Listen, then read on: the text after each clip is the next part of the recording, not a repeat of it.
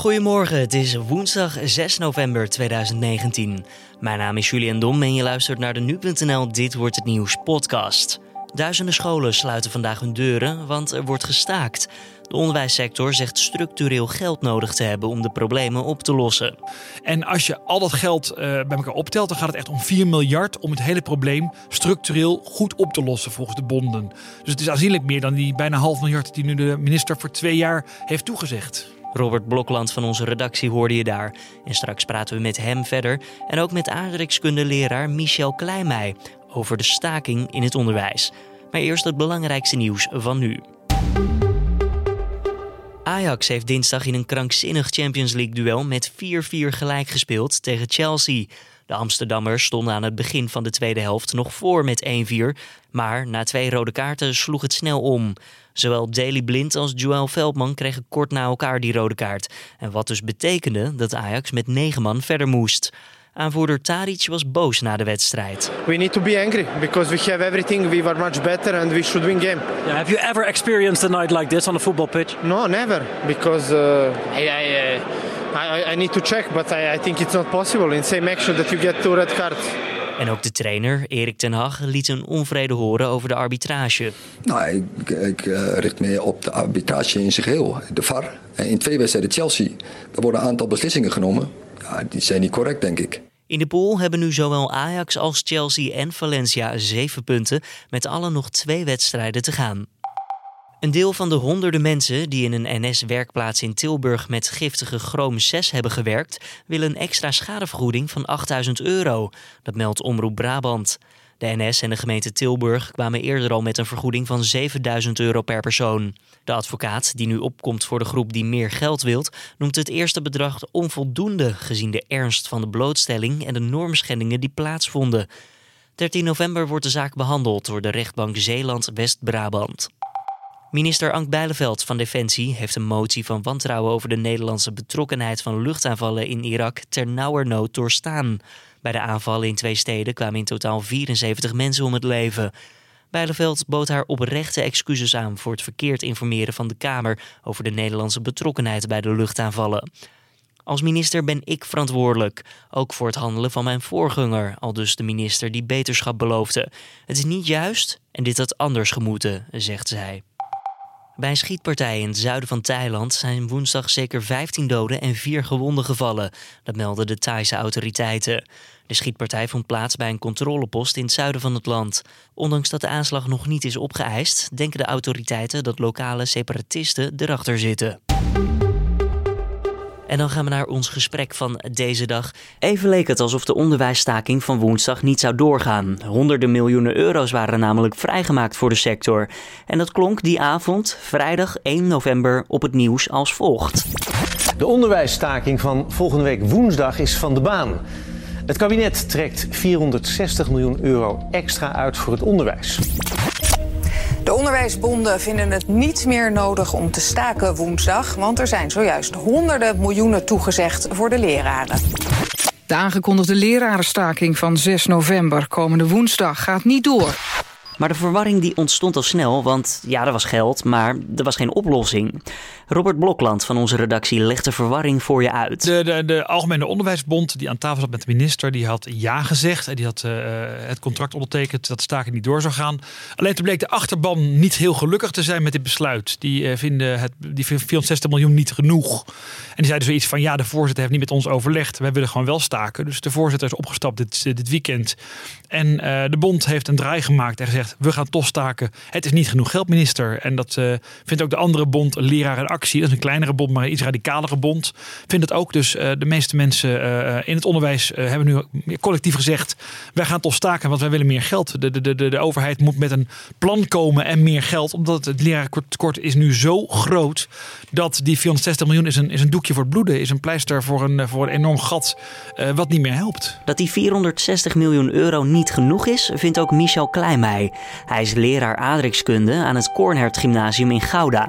En zegt dat die half miljard niet het grootste probleem op zal lossen. Um, nou ja, het grote probleem in het onderwijs is uh, uh, de werkdruk. Uh, en ook een beetje het, het salaris, wat heel erg achterloopt op andere hoogopgeleiden. Maar het is vooral de werkdruk. Je, hebt, je werkt met mensen, dat gaat 24 uur per dag door. en dat betekent dat je gewoon heel veel moet doen voor je geld en het ook eigenlijk nooit op is.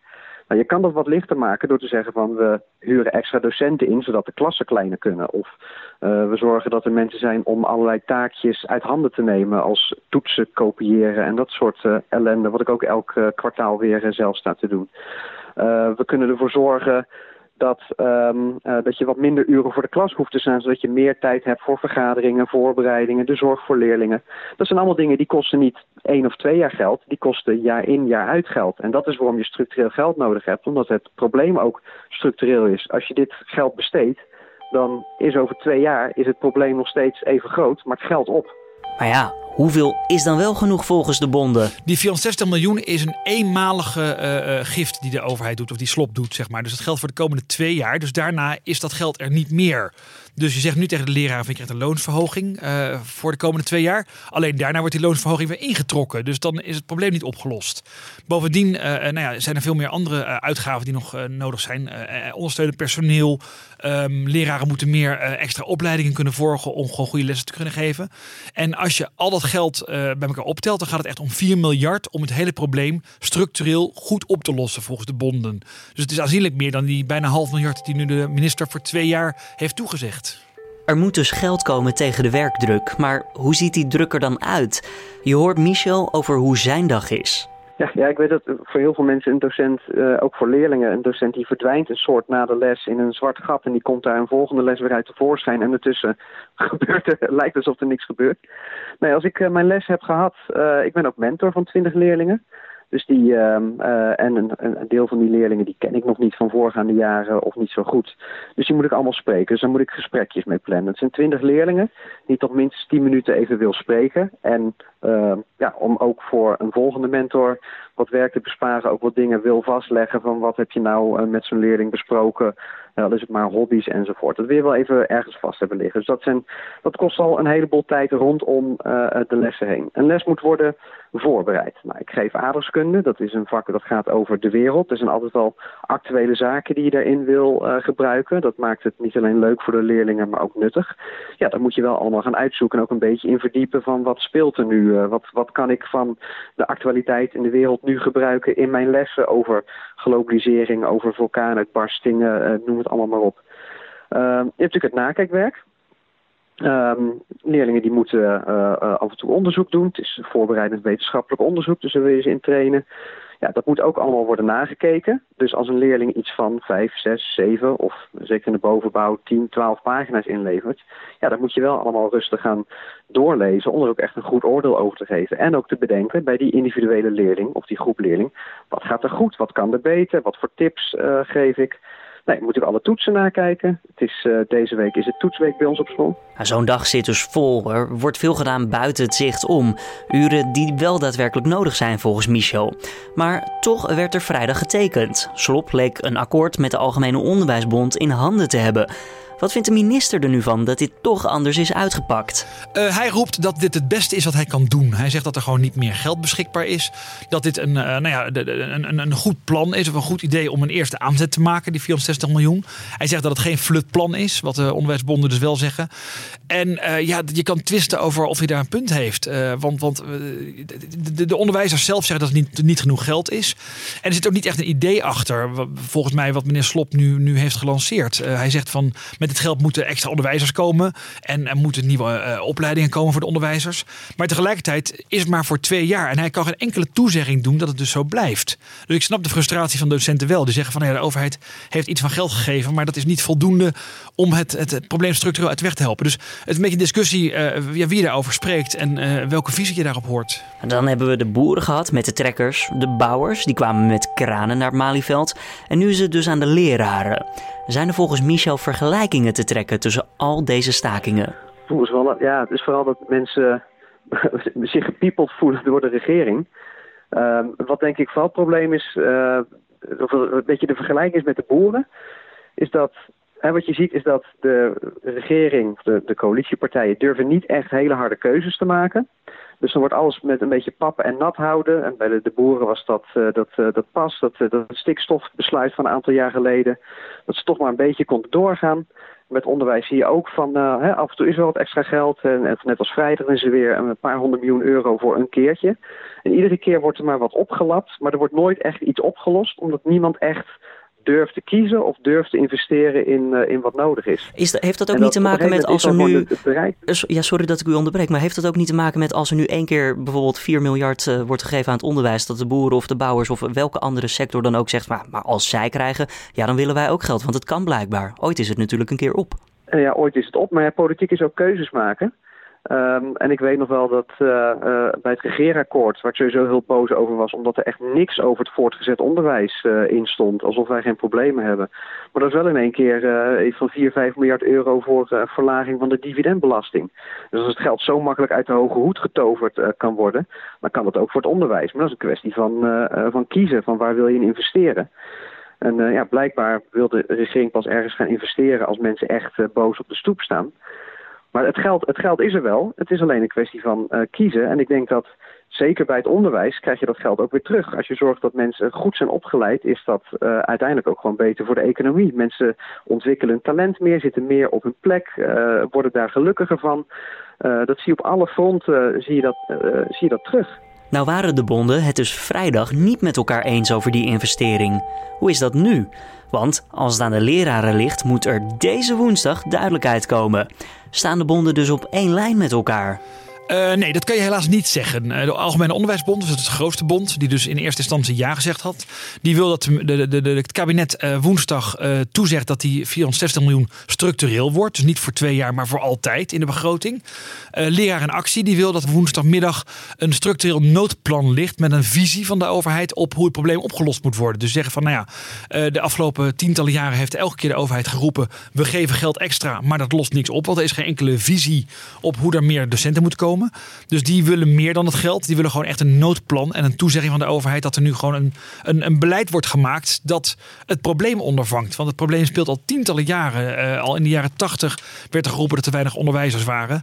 En dat is dus niet veranderd, alleen maar erger geworden. Dus uh, de overheid moet nu, wat die bond betreft, leraar in actie, komen met een, met een goed plan, met een goed idee hoe ze dit probleem gaan oplossen. In plaats van er weer wat geld tegenaan te gooien en uh, te, te, hopen dat het twee jaar oké is, zeg maar.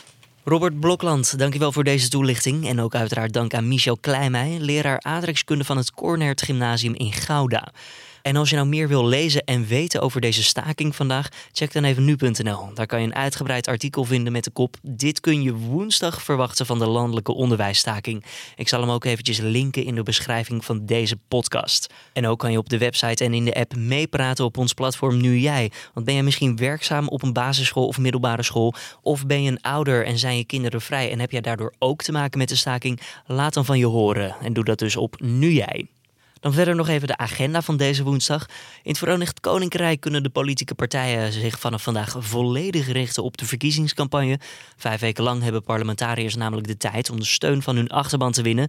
12 december zal er uiteindelijk gestemd worden voor de nieuwe regering. Dan gaan de Britten namelijk naar de stembus. En de Tweede Kamer die debatteert over de vraag hoe om te gaan met Nederlandse Syriëgangers, die momenteel vastzitten in opvangkampen in het noorden van Syrië. Sinds het terugtrekken van het Amerikaanse leger uit het noorden is daar een machtsvacuum ontstaan. Het kabinet zet in op de berechting in Irak en wil geen Syriëgangers terughalen. Maar door recente ontwikkelingen lijkt het kabinet deze keuze te moeten heroverwegen.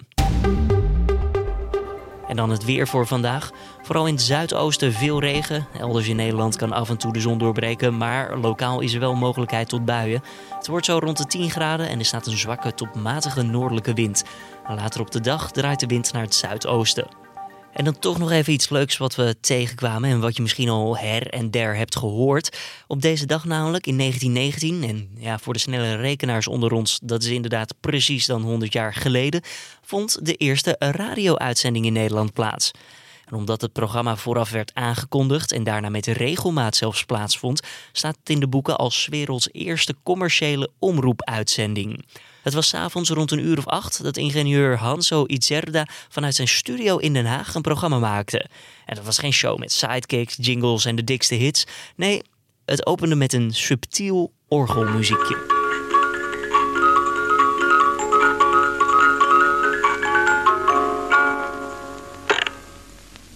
Ja, meneer Itzerda, wat is dat nou eigenlijk wat we hier gehoord hebben?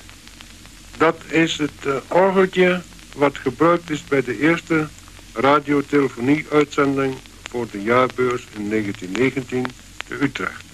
Dus dat wil zeggen dat het allereerste wat in Nederland door de radio geklonken heeft, dus de voorloper op alle programma's die wij en anderen op het ogenblik uitzenden, dat dat dit geweest is wat ik nu gehoord heb, die dollarprinsesin.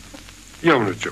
nou, dat is dan heel merkwaardig. En zou u het misschien nog even kunnen laten spelen, meneer Het is misschien een beetje kinderlijk verlangen, maar het is toch werkelijk een bijzondere sensatie als je plotseling het eerste geluid tegenkomt dat door de radio is uitgezonden. Dan zullen we het eerst even moeten opvinden. opvinden.